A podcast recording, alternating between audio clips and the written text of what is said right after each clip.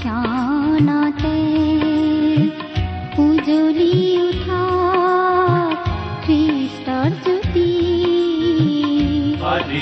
পবিত্ৰ ক্ষণতে উজ্বলি উঠ খ্ৰীষ্টৰ জ্যোতি আকাশ বাইবেল অধ্যয়নৰ এই শিক্ষামূলক অনুষ্ঠান ভক্তি বচনলৈ আপোনাক ওলগ জনাইছো। প্ৰিয় শ্ৰোতা ভক্তিবচন অনুষ্ঠানৰ আজিৰ এই নতুন কাৰ্যসূচীত আপোনাক আকৌ লগ পোৱাৰ বাবে ধন্যবাদ। বাইবেল শাস্ত্ৰৰ এই শিক্ষাসমূহে আপোনালৈ আশীৰ্বাদ কঢ়িয়াই আনিছে বুলি আশা কৰিছো। এই ভক্তিবচন অনুষ্ঠানত আমি যিজন ঈশ্বৰৰ বিষয়ে শুনিবলৈ পাওঁ তেওঁ অতি পবিত্ৰ ঈশ্বৰ। তেওঁৰ পবিত্ৰতাই ঈশ্বৰত্বৰ মহাগৌৰ তেওঁ কেৱল নিজেই পবিত্ৰ এনে নহয় তেওঁ মানুহকো পবিত্ৰ হবলৈ সহায় কৰে। প্ৰভু যীশুখ্ৰীষ্টৰ কুচীয় বলিদানৰ যোগেৰে পাপী মানুহৰ পাপ ধুবলৈ তেওঁ ব্যৱস্থা কৰিলে যাতে সেই বলিদানক বিশ্বাস কৰি পাপমোচন হয় আৰু পাপৰ সাগৰত ডুব গৈ থকা মানুহ পৰিষ্কাৰ আৰু সূচী হয় পবিত্ৰ হয়। অকল সেয়াই নহয় প্ৰতিদিন পবিত্ৰ জীৱন যাপন কৰিবলৈ সহায় কৰিবৰ বাবে তেওঁ পবিত্ৰ আত্মাক এই পৃথিৱীলৈ পঠিয়াই দিছে। সেই পবিত্ৰ আত্মাই আপোনাক সত্যৰ পথেৰে পবিত্ৰতাৰে চলি যাবলৈ সহায় কৰে। এই পবিত্ৰ ঈশ্বৰৰ বিষয়ে আৰু অধিককৈ জানিবলৈ আহক। আজিৰ ভক্তিবচন অনুষ্ঠান শুনো। প্ৰভু যীশু আহিছিল এই পৃথিৱীলৈ পাপী মানুহক পাপৰ পৰা উদ্ধাৰ কৰিবলৈ নুবুজিলা তুমি বন্ধু।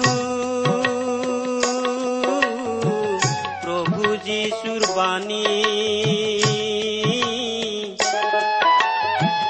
জ্ঞান বুদ্ধি থাকিও তুমি জ্ঞান বুদ্ধি থাকিও তুমি হলায় জ্ঞানী হে।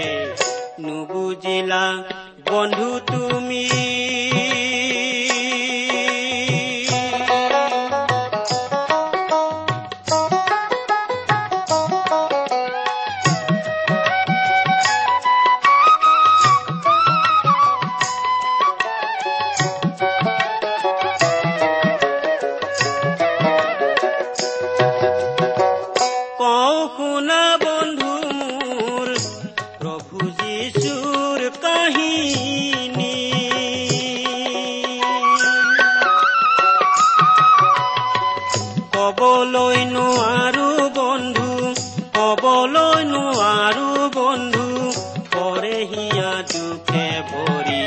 নুবুজিলা বন্ধু তুমি প্ৰভু যীশুৰ বাণী। জ্ঞান বুদ্ধি থাকিও তুমি জ্ঞান বুদ্ধি থাকিও তুমি হলায় জ্ঞানী হে। নুবুজিলা বন্ধু তুমি।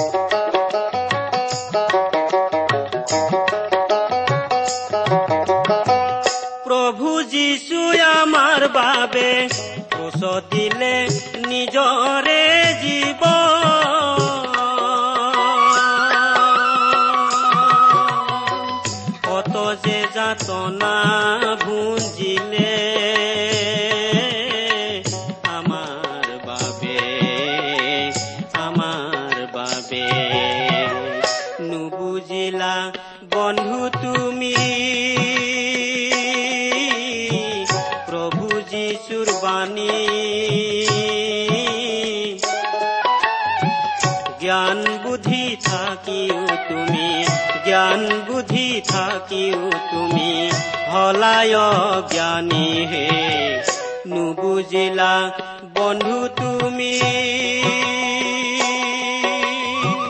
নুবুজিলা বন্ধু তুমি নুবুজিলা বন্ধু তুমি আমাৰ পৰম পবিত্ৰ প্ৰভু যীশুখ্ৰীষ্টৰ নামত নমস্কাৰ প্ৰিয় শ্ৰোতা। আশা কৰো মহান পিতা পৰমেশ্বৰৰ মহান অনুগ্ৰহত আপুনি ভালে কুশলে আছে। লগতে এই বুলিও আশা কৰিছো যে আপুনি আমাৰ এই ভক্তিবচন অনুষ্ঠানটো নিয়মিতভাৱে শুনি আছে। প্ৰিয় শ্ৰোতা এই অনুষ্ঠান শুনি আপুনি কেনে পাইছে আমালৈ চিঠি লিখি জনাবচোন? আপোনালোকৰ পৰা চিঠি পত্ৰ পাবলৈ আমি আগ্ৰহেৰে বাট চাওঁ। আহকচোন আজিৰ বাইবেল অধ্যয়ন আৰম্ভ কৰাৰ আগতে খন্তেক প্ৰাৰ্থনাত মূৰ দুৱাওঁ। স্বৰ্গত থকা অসীম দয়ালু পিতৃ ঈশ্বৰ তোমাৰ মহান নামৰ ধন্যবাদ কৰো। তুমি মহান তুমি কৰুণাময় তুমি অনুগ্ৰহৰ আকৰ। তোমাৰ অনুগ্ৰহতেই আজি আমি প্ৰভু যীশুত বিশ্বাস কৰি পৰিত্ৰাণ পাব পৰা হৈছো তোমাক পিতৃ বুলি মাতিব পৰা হৈছো। তুমি আমালৈ যিমান অনুগ্ৰহ দেখুৱাইছা তাৰ বাবে তোমাক ধন্যবাদ দি আমি শেষ কৰিব নোৱাৰো। এতিয়া প্ৰাৰ্থনা কৰিছো তোমাৰ মহান বাক্য বাইবেল শাস্ত্ৰৰ যোগেৰে তুমি আমাক কথা কোৱা। তোমাৰ মাত আমাক শুনিবলৈ দিয়া। কিয়নো এই প্ৰাৰ্থনা আমাৰ মহান ত্ৰাণকৰ্তা প্ৰভু যীশুখ্ৰীষ্টৰ নামত আগবঢ়াইছো। আহমেন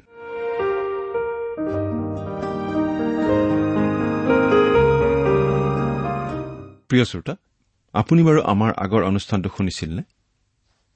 আমি বাৰু কি আলোচনা কৰিছিলো? আপোনাৰ মনত আছেনে? আপুনি যদিহে আমাৰ এই অনুষ্ঠানটো নিয়মিতভাৱে শুনি আছে তেনেহলে আপুনি নিশ্চয় জানে যে আমি এতিয়া বাইবেলৰ পুৰণি নিয়ম খণ্ডৰ চলোমনৰ পৰম গীত নামৰ পুস্তকখন অধ্যয়ন কৰি আছো। নহয় জানো? যোৱা অনুষ্ঠানত আমি এই পৰম গীত পুস্তকখনৰ এক নম্বৰ অধ্যায়ৰ চাৰি নম্বৰ পদলৈকে পঢ়ি আমাৰ আলোচনা আগবঢ়াইছিলো। গতিকে আজিৰ অনুষ্ঠানত আমি এই পৰম গীত পুস্তকখনৰ এক নম্বৰ অধ্যায়ৰ পাঁচ নম্বৰ পদৰ পৰা আমাৰ আলোচনা আৰম্ভ কৰিব খুজিছো। আমাৰ এই অনুষ্ঠানটো বাইবেল অধ্যয়নৰ অনুষ্ঠান। গতিকে এই অনুষ্ঠানটো শুনাৰ সময়ত লগত বাইবেলখন লৈ ললে ভাল হয়। আপুনি বাৰু আপোনাৰ বাইবেলখন মেলি লৈছেনে? এতিয়া আহকচোন আমি অধ্যয়নৰ পিনে আগবাঢ়ি যাওঁ। আমি ইতিমধ্যেই উল্লেখ কৰি আহিছো যে এই পৰম গীত পুস্তকখন আচলতে কিছুমান প্ৰেমৰ গীত। স্বামী স্ত্ৰীৰ মাজৰ প্ৰেমৰ গীত। কিন্তু এই প্ৰেমৰ গীত আচলতে প্ৰভু যীশুখ্ৰীষ্ট আৰু তেওঁৰ বিশ্বাসী খ্ৰীষ্টীয় মণ্ডলীৰ মাজৰ মধুৰ প্ৰেমৰ গীতহে। মানৱৰ প্ৰতি খ্ৰীষ্টৰ প্ৰেম কিমান তাক আমি ভাষাৰে বুজাব নোৱাৰো। তেনেকুৱা প্ৰেমৰ ছবি ইয়াত এহাল প্ৰেমিক প্ৰেমিকাৰ মাজেদি চিত্ৰিত কৰা হৈছে। এতিয়া আমি বাইবেলৰ পৰা পাঠ কৰি দিব খুজিছো। পৰম গীত প্ৰথম অধ্যায় পাঁচ আৰু ছয় নম্বৰ পদ। আমি পাঠ কৰি দিম। যদি লগত বাইবেল আছে চাই যাব। যদিহে বাইবেল নাই অনুগ্ৰহ কৰি মন দি শুনিব। ইয়াত এনেদৰে লিখা আছে হে জিৰচালেমৰ জীয়াৰীবিলাক মই কলা বৰণীয়া কিন্তু সুন্দৰী। কেদৰৰ তম্বুৰ নিচিনা চলোমনৰ আঁৰ কাপোৰৰ সদৃশ। মই ঈষদ কলি সূৰ্যই মোক বিবৰ্ণ কৰিলে। এই দেখি মোলৈ তোমালোকে কুদৃষ্টি নকৰিবা। মোৰ আইৰ পুতেকহঁতে মোক খং কৰিলে। সিহঁতে মোক দ্ৰাক্ষাবাৰীবোৰৰ ৰখীয়ানি কৰিছিল। কিন্তু মোৰ নিজৰ দ্ৰাক্ষাবাৰী মই ৰক্ষা কৰা নাই।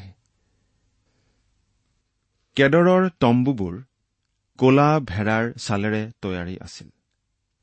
সেই দেশত আজিও বহুতো অঘৰী মানুহে তেনেকুৱা কলা ৰঙৰ তম্বুত বাস কৰা দেখা যায়। ইয়াত সেই কইনাগৰাকীয়ে নিজকে কলা বৰণীয়া বুলি কৈছে। কিন্তু কলা ৰঙৰ কথাহে কৈছে। তাইৰ জাত পাতৰ কথা বুজোৱা নাই। তাই চুলেম অঞ্চলৰ এগৰাকী যীহুদী ছোৱালী আছিল। তাই কিয় কলা পৰিছে সেই কথাও ইয়াতে কৈ দিছে। তাইৰ পৰিয়ালটো চলোমন ৰজাৰ দ্ৰাক্ষাবাৰীত কাম কৰা পৰিয়াল আছিল আৰু সেইবাবে তাই দ্ৰাক্ষাবাৰীত কাম কৰিব লগা হৈছিল। তাই ৰদত কাম কৰি কৰি কলা পৰি গৈছিল। তাই কলা ৰঙৰ কিন্তু তাই সুন্দৰী। গাৰ ৰং আচল কথা নহয় মানুহৰ অন্তৰখনে আচল কথা। অন্তৰখন যদি ঈশ্বৰৰ দৃষ্টিত ঠিকে থাকে তেনেহলে সেয়েই আচলতে প্ৰকৃত সৌন্দৰ্য। লাগিলে গাৰ বৰণ যেনেকুৱাই নহওক কিয়? সূৰ্যৰ পোহৰৰ গোটেইখিনি ৰশ্মিয়ে আচলতে আমাৰ গাৰ ছালক আমনি নকৰে। আল্ট্ৰাভায়লেট ৰশ্মিয়েহে বেছিকৈ আমনি কৰে। ডাৱৰৰ মাজেদিও বহুখিনি ৰশ্মি পাৰ হৈ আহিব পাৰে আৰু ৰ'দ নিদিলেও বাহিৰত ওলালে মানুহৰ গাৰ ছাল সূৰ্যৰ ৰশ্মিৰ প্ৰভাৱত পৰিব পাৰে। সূৰ্যৰ সেই আল্ট্ৰাভায়লেট ৰশ্মিয়ে আচলতে মানুহৰ কেঞ্চাৰ ৰোগ কৰিব পাৰে আৰু এই ৰশ্মি ডাৱৰীয়া বতৰতো আহি থাকিব পাৰে। বহুতো মানুহে ভাবে যে তেওঁলোকে পবিত্ৰ ঈশ্বৰৰ সন্মুখলৈ উদংভাৱেৰেই আহিব পাৰে। কোনো আৱৰণ নোহোৱাকৈয়ে আহিব পাৰে। কিন্তু খ্ৰীষ্টৰ ধাৰ্মিকতাৰ আৱৰণ নোলোৱাকৈ কোনো মানুহেই পবিত্ৰ ঈশ্বৰৰ আগলৈ আহিব নোৱাৰে। প্ৰভু যীশুখ্ৰীষ্টই আমাৰ সুৰক্ষা। তেওঁৰ দেউকাৰ তলত আশ্ৰয় লোৱাৰ ইও এটা অৰ্থ।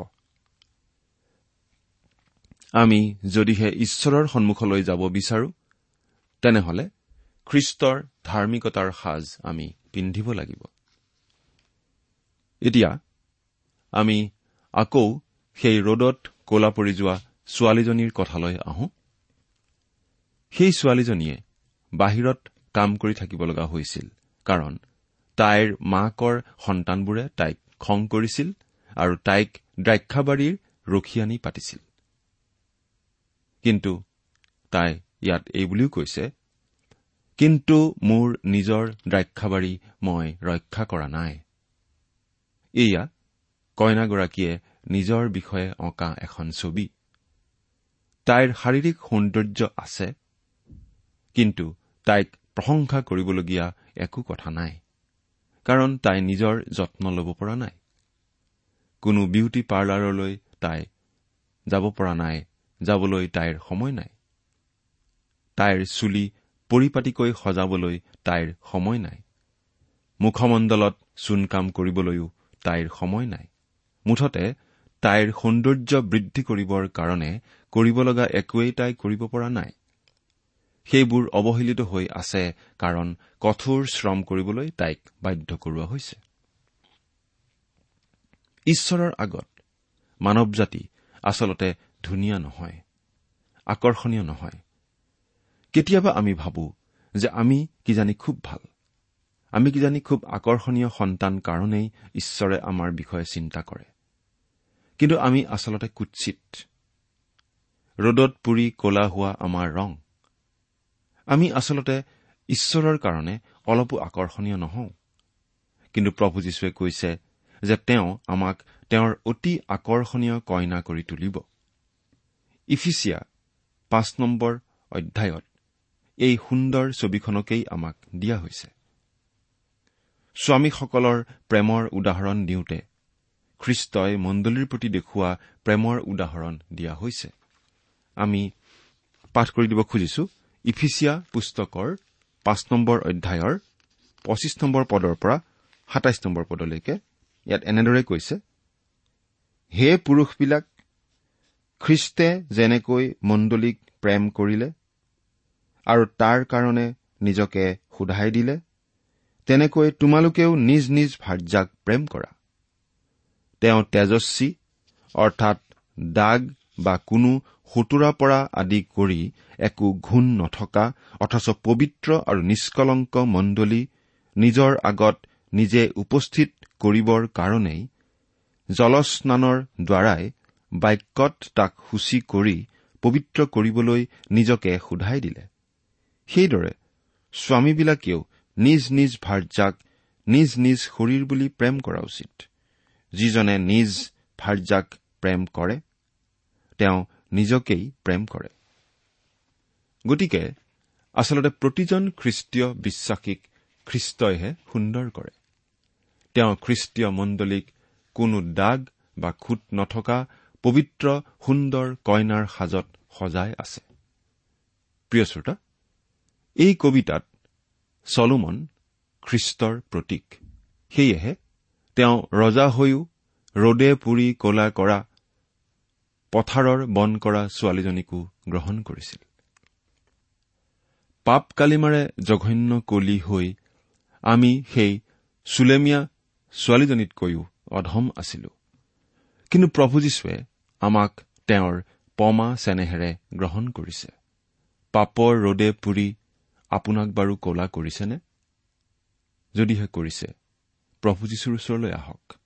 আপোনাৰ পাপ সেন্দুৰ বৰণীয়া হলেও তেওঁ হিমতকৈও বগা কৰিব।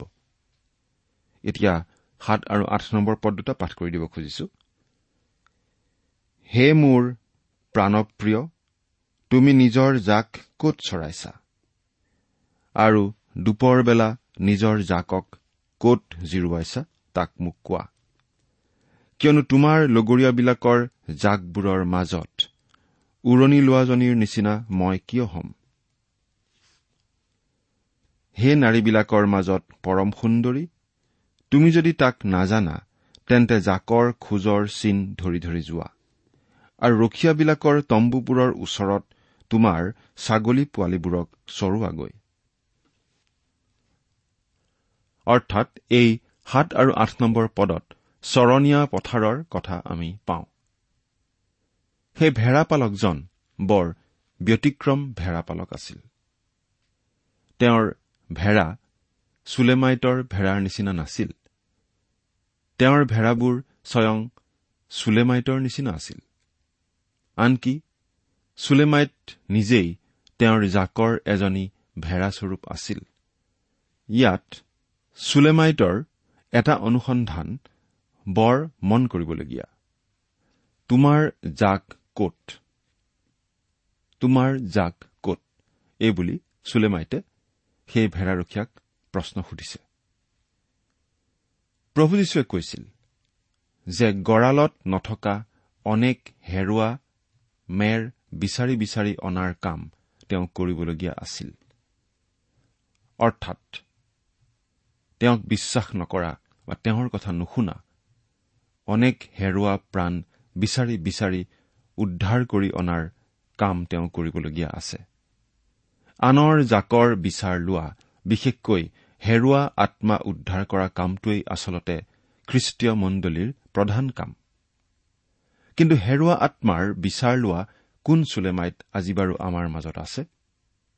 তোমাৰ জাক কত বুলি অনুসন্ধান চলাওঁতে ব্যতিক্ৰমবিধৰ ভেড়াপালকজনে উত্তৰ দিয়া কথাখিনি আমি পাছত পাওঁ। আমি পদটো ভালদৰে পঢ়িলে দেখা পাম যে ভেড়াপালকজনে আচলতে যিটো উত্তৰ দিছে সেইটো এনেধৰণৰ। তুমি আনবোৰ ভেড়াৰ সকলো কথা জনাৰ প্ৰয়োজন নাই। তুমি তোমাৰ ভেড়া পোৱালীবোৰক খুওৱা সেয়েই যথেষ্ট। ভেড়া পোৱালি অৰ্থাৎ নতুন বিশ্বাসকাৰীসকলক বাস্তৱিকতেই ঈশ্বৰৰ বচন শিকাই বুজাই তেওঁলোকক ভোজন পান কৰোৱাব লাগে। ঈশ্বৰৰ বচন ভোজন পান কৰোৱাই আম্মিক জীৱনত গঢ় দিব লাগে। খ্ৰীষ্টীয় বিশ্বাসত বৃদ্ধি পাবলৈ তেওঁলোকক আমি সহায় কৰিব লাগে। এতিয়া ন নম্বৰ পদটো পঢ়িছো। হে মোৰ প্ৰিয়া ফৰৌনৰ ৰথৰ এজনী ঘোঁৰাৰে সৈতে মই তোমাক তুলনা কৰিছো। আমি আগতেও কৈ আহিছো যে যেতিয়া প্ৰেমৰ কথা কোৱা হয় তেতিয়া দৰাই কইনাক কোৱাৰ কথাকেই বুজোৱা হয়। যেতিয়া প্ৰিয় বুলি কোৱা হয় তেতিয়া কইনাই দৰাক কোৱা বুজা যায়। হে মোৰ প্ৰিয়া ফৰৌনৰ ৰথৰ এজনী ঘোঁৰাৰে সৈতে মই তোমাক তুলনা কৰিছো। যেতিয়া মুচিৰ নেতৃত্বত ইছৰাইলীয়া লোকবিলাক মিছৰ দেশৰ পৰা পলাই আহিছিল তেতিয়া তেওঁলোকৰ পিছে পিছে ফৰৌন ৰজাই ৰথ লৈ খেদি আহিছিল। তেওঁলোক উভতি যোৱাৰ পথ বন্ধ হৈ গৈছিল। ফৰৌন ৰজাই অসংখ্য অশ্বাৰোহী সৈন্য লৈ তেওঁলোকক খেদি আহিছিল। সেইটো তেওঁলোকৰ বাবে অতি ভয়ংকৰ অভিজ্ঞতা আছিল। তেওঁলোকৰ মুখৰ মাত হৰিছিল।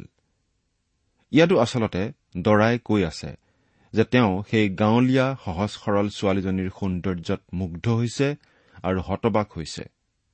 তেওঁৰ মুখৰ মাত হৰিছে। তাই ৰাজপ্ৰাসাদৰ আভিজাত্য থকা ছোৱালী নহয়। তাই নিজৰ সৌন্দৰ্যৰ বাবে একো যত্ন লোৱা নাই।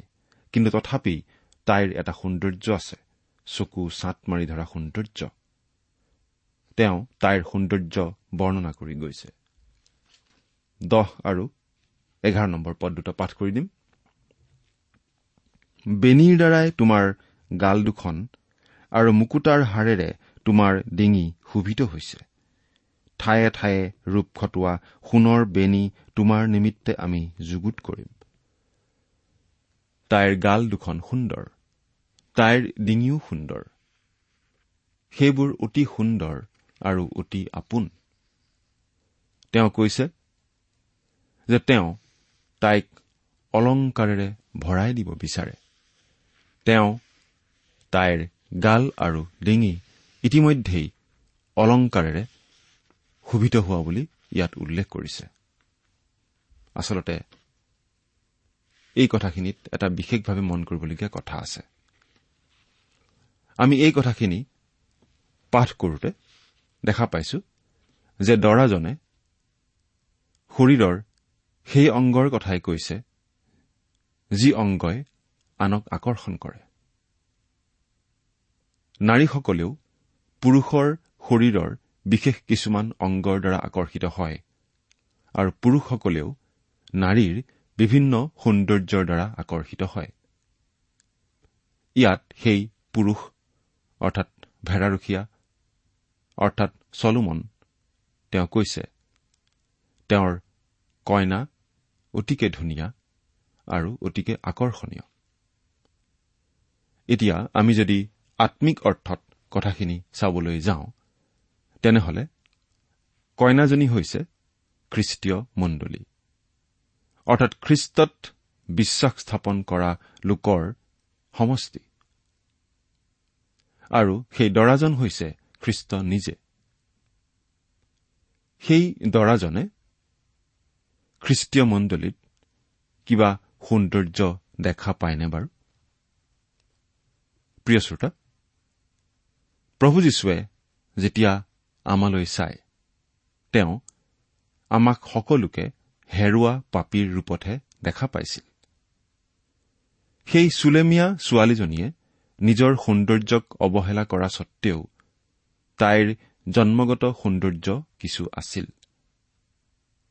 তাইৰ ৰং কলা পৰি গৈছিল যদিও তাই দেখিবলৈ ধুনীয়াই আছিল। তাই নিজৰ যত্ন নোলোৱা সত্বেও তাইৰ আকৰ্ষণ আছিল। সেই ছোৱালীজনীৰ তুলনাত আমাৰ আনকি সেইখিনিও নাই। আমাৰ একো আকৰ্ষণ নাই। আমাৰ একো নাই যিহৰ দ্বাৰা আমি আচলতে প্ৰভু যীশুখ্ৰীষ্টক সন্তুষ্ট কৰিব পাৰো। আমি তেওঁৰ আগত আগবঢ়াবলৈ আচলতে একো আনিব নোৱাৰো। আমাৰ একো নাই। তেওঁ সন্তুষ্ট কৰিব পৰা আমাৰ একো নাই। সকলোখিনি তেওঁহে আমাক যোগায়। সেই একেটা কথা ইছৰাইল জাতিৰ ক্ষেত্ৰতো ক'ব পাৰি। যেতিয়া তেওঁ ইছৰাইলৰ সন্তানসকলক উদ্ধাৰ কৰিবলৈ নামি আহিছিল তেতিয়া এই বুলি কোৱা নাছিল মই তোমালোকক উদ্ধাৰ কৰিবলৈ আহিছো কাৰণ তোমালোক খুব ভাল মানুহ খুব ভাল জাতি। তোমালোক মিছৰীয়া লোকসকলতকৈ উত্তম। তেওঁলোক তেনেকুৱা আচলতে নাছিল। বৰং তেওঁলোক দুৰ্বল আৰু নিহ জাতিহে আছিল। তেওঁ এই বুলিও কোৱা নাছিল তোমালোকক মই উদ্ধাৰ কৰিবলৈ আহিছো কাৰণ তোমালোক সদায় মোৰ বাধ্য হৈ আহিছা মোৰ বাক্য পালন কৰি আহিছা। নাই তেওঁলোক আচলতে অবাধ্যহে আছিল। ঈশ্বৰৰ প্ৰতি চৰম অৱহেলাৰ ভাৱ দেখুৱাই তেওঁলোকে জীৱন কটাই আহিছিল। তেওঁলোকে ঈশ্বৰলৈ পিঠি দি নানা ধৰণৰ অনৈতিক কাৰ্যতহে লিপ্ত হৈ আহিছিল। তেনেহলে কি কথাইনো ঈশ্বৰক আকৰ্ষণ কৰিলে? তেওঁনো কিহৰ কাৰণে তেওঁলোকক লৈ ইমান সময় নষ্ট কৰিলে? আচলতে তেওঁলোকৰ ক্ৰদন তেওঁলোকৰ আৰ্তনাদেই ঈশ্বৰক আকৰ্ষণ কৰিছিল। ঈশ্বৰৰ দয়া কৰুণা আৰু অনুগ্ৰহৰ বাবেই তেওঁলোকক উদ্ধাৰ কৰিবলৈ ঈশ্বৰ আগবাঢ়ি আহিছিল। তেওঁলোকৰ সেই আশাহীন অৱস্থা দেখিয়েই ঈশ্বৰে তেওঁলোকক পৰিত্ৰাণ আগবঢ়াইছিল। তদুপৰি ঈশ্বৰে এই কথাও জনাইছিল যে তেওঁলোকৰ উপৰি পুৰুষসকলৰ আগত কৰা প্ৰতিজ্ঞা সোঁৱৰণ কৰি ঈশ্বৰে তেওঁলোকক উদ্ধাৰ কৰিবলৈ আগবাঢ়ি আহিছিল। ঈশ্বৰে অব্ৰাহাম ইছাক আৰু জাকুবৰ সৈতে কৰা চুক্তি পালন কৰি তেওঁলোকক উদ্ধাৰ কৰিছিল। ঈশ্বৰে তেওঁৰ বাক্যৰ লৰচৰ নকৰে তেওঁৰ প্ৰতিজ্ঞা কেতিয়াও ভংগ নকৰে। তেওঁৰ প্ৰতিজ্ঞা সদায় সফল কৰে। আৰু ঠিক তেনেকৈ আমাৰ অতি দুখ লগা হেৰাই থকা অৱস্থা দেখিয়েই আমাৰ বাবে পৰিত্ৰাণৰ ব্যৱস্থা কৰিবলৈ ঈশ্বৰে আগভাগ ললে। আমি নিজক কেতিয়াও উদ্ধাৰ কৰিব নোৱাৰো কাৰণেই দয়ালু ঈশ্বৰে আমাৰ বাবে পৰিত্ৰাণৰ ব্যৱস্থা কৰিবলৈ প্ৰভু যীশুৰূপে জন্মলৈ আমাৰ মাজলৈ আহিল। সেইবাবেই তেওঁ আমাক আজি স্পষ্ট ৰূপত জনাই দিছে যে আমি প্ৰভু যীশুত বিশ্বাস স্থাপন কৰিলেই পৰিত্ৰাণ লাভ কৰো। ঠায়ে ঠায়ে ৰূপ খটোৱা সোণৰ বেনী তোমাৰ নিমিত্তে আমি যুগুত কৰিম। আমাৰ দৰা অৰ্থাৎ প্ৰভু যীশুখ্ৰীষ্টই তেওঁৰ কন্যা অৰ্থাৎ খ্ৰীষ্টীয় মণ্ডলীৰ বাবে কি কৰিব তাৰ এয়া এখন ছবি। ইফিচিয়া পাঁচ নম্বৰ অধ্যায়ৰ শাস্ত্ৰাংশই এই কথাটো অতি পৰিষ্কাৰ কৰি দিয়ে। খ্ৰীষ্টই খ্ৰীষ্টীয় মণ্ডলীক প্ৰেম কৰে আৰু প্ৰেম কৰাৰ বাবেই নিজকে ক্ৰুচত হত হবলৈ আগবঢ়ালে। তেওঁ এই কাম কৰিলে যাতে মণ্ডলীক তেওঁ আপোন কৰি লৈ মণ্ডলীক তেওঁৰ বাক্যৰূপী জলেৰে ধুই পৰিষ্কাৰ কৰিব পাৰে। এই পৰিষ্কাৰ কৰা কামটো অতি আচৰিত কাম। এইটো এটা অলৌকিক ধৰণৰ চাবোন বুলি আমি ক'ব পাৰোঁ। তেওঁ এই কাম কৰিলে যাতে তেওঁ মণ্ডলী অৰ্থাৎ নিজৰ কন্যাক অতি পৰিষ্কাৰ ৰূপত কোনো দাগ কোনো খুট নথকা ৰূপত একমাত্ৰ তেওঁৰ বাবে আছুতীয়াকৈ ৰখা কইনাৰ ৰূপত নিজলৈ বুলি নিজে আগবঢ়াব পাৰে। খ্ৰীষ্টীয় মণ্ডলীৰ আজিৰ অৱস্থানটো কি বাৰু? প্ৰভু যীশুখ্ৰীষ্টই নিজৰ বহুমূলীয়া তেজেৰে আমাৰ মুক্তিৰ মূল্য দি আমাক কিনি ললে। তেওঁৰ তেজেৰে তেওঁ আমাৰ সকলো পাপৰ প্ৰায়চিত্ৰ কৰিলে। আমাৰ সকলো পাপ তেওঁ মুচি দিলে। তেওঁৰ সকলোখিনি ধাৰ্মিকতা তেওঁ আমাৰ গাত দিলে। আমি খ্ৰীষ্টৰ ধাৰ্মিকতাৰ দ্বাৰা আবৃত হলো। গতিকে তেওঁত আশ্ৰয় লোৱাৰ লগে লগে আমি তেওঁত সম্পূৰ্ণ হলো আৰু আমি পিতৃ ঈশ্বৰৰ আগত সম্পূৰ্ণৰূপে গ্ৰহণীয় হলো। প্ৰিয় শ্ৰোতা আপুনি বা মই আচলতে কোনোপধ্যেই পিতৃ ঈশ্বৰৰ গ্ৰহণীয় হোৱাৰ উপযুক্ত নহওঁ। কিন্তু প্ৰভু যীশুখ্ৰীষ্টত আশ্ৰয় লোৱাৰ দ্বাৰা আমি আমাৰ সকলো পাপৰ প্ৰায়চিত্ৰ লাভ কৰি ঈশ্বৰৰ আগত গ্ৰহণীয় হ'ব পাৰো। এই কথা আপুনি বাৰু মনত ৰাখিছেনে? ঈশ্বৰে আপোনাক আশীৰ্বাদ কৰক।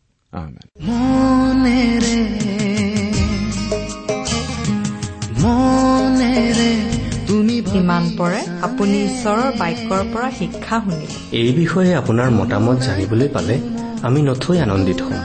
আমি প্ৰস্তুত কৰা বাইবেল অধ্যয়নৰ চিডিসমূহ পাব বিচাৰিলে আৰু অনুষ্ঠানত প্ৰচাৰ কৰা কোনো কথা বুজিব লগা থাকিলেও আমালৈ লিখক। আমাৰ যোগাযোগৰ ঠিকনা ভক্তিবচন ট্ৰান্সৱৰ্ল্ড ৰেডিঅ' ইণ্ডিয়া ডাক বাকচ নম্বৰ সাত শূন্য গুৱাহাটী সাত আঠ এক শূন্য শূন্য এক। ঠিকনাটো আকৌ এবাৰ কৈছো ভক্তিবচন ট্ৰান্সৱৰ্ল্ড ৰেডিঅ' ইণ্ডিয়া ডাক বাকচ নম্বৰ সাত শূন্য গুৱাহাটী সাত আঠ এক শূন্য শূন্য এক। আমাৰ ইমেইল এড্ৰেছটো হৈছে Assamese T TV at the rate radio' eight eight two dot com. আমাৰ website W W W dot T W R dot in আপুনি টেলিফোনৰ মাধ্যমেৰেও আমাক যোগাযোগ কৰিব পাৰে।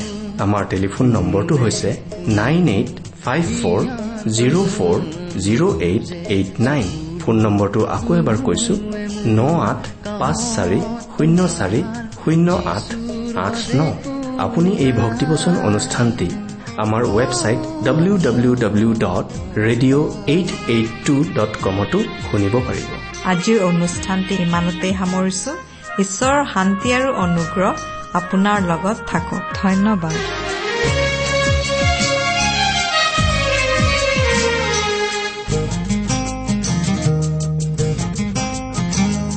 লাগে যদি অহাৰে ভৰা পৰিপূৰ্ণ জীৱন গাথা যিচুৰ তেজে দিয়ে পূৰ্ণতা যিচুৰ কথাই চকুলো মুছে।